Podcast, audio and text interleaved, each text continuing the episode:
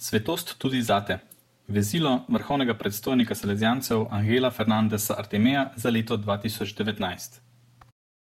Uvod. Dragi bratje in sestre, draga salezijanska družina. V sosledju z našim stoletnim salezijanskim izročilom se ob začetku tega novega leta 2019 obračam k slehrnemu izmed vas na vseh koncih salezijanskega sveta, ki, ki ga kot salezijanska družina oblikujemo v več kot 140 deželah.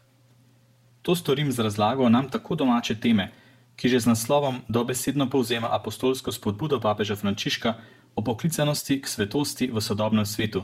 Veselite in radujte se, gaudete et exultate.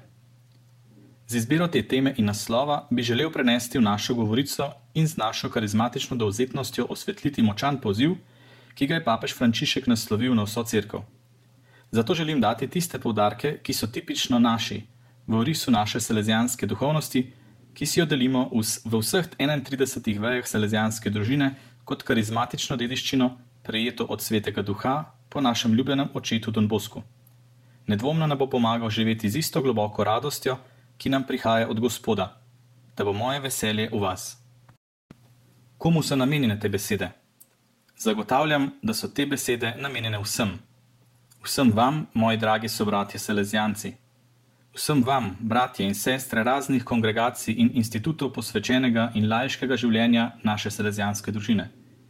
Vsem vam, bratje in sestre iz raznih združenj in različnih skupin Selezijanske družine.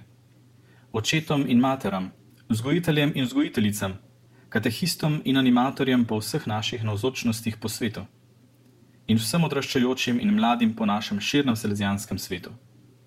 Sprejemam povabilo, ki ga je papež izrekel vsej cerkvi. Njegova spodbuda ni kakšna razprava o svetosti, ampak je poziv vržen sodobnemu svetu in še zlasti cerkvi, da bi živeli življenje kot poslanstvo in poklic k svetosti.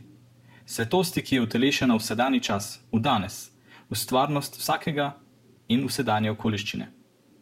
Ponavljam ta vedno privlačni klic k svetosti, ker danes cerkve zahteva, da ga ponovno izrečemo. Kot jaz sam so tudi vsi zadnji vrhovni predstojniki imeli zelo zgovorne posege o selezijanski svetosti in naših svetih zavetnikih. Kot za pretekla leta, menim, da so ti napotki, poleg za osebno branje, zadostni, da zaslužijo kot istočnice za vzgojne in pastoralne pobude v najrazličnejših okoljih in okoliščinah našega selezijanskega sveta, v katerih delujemo.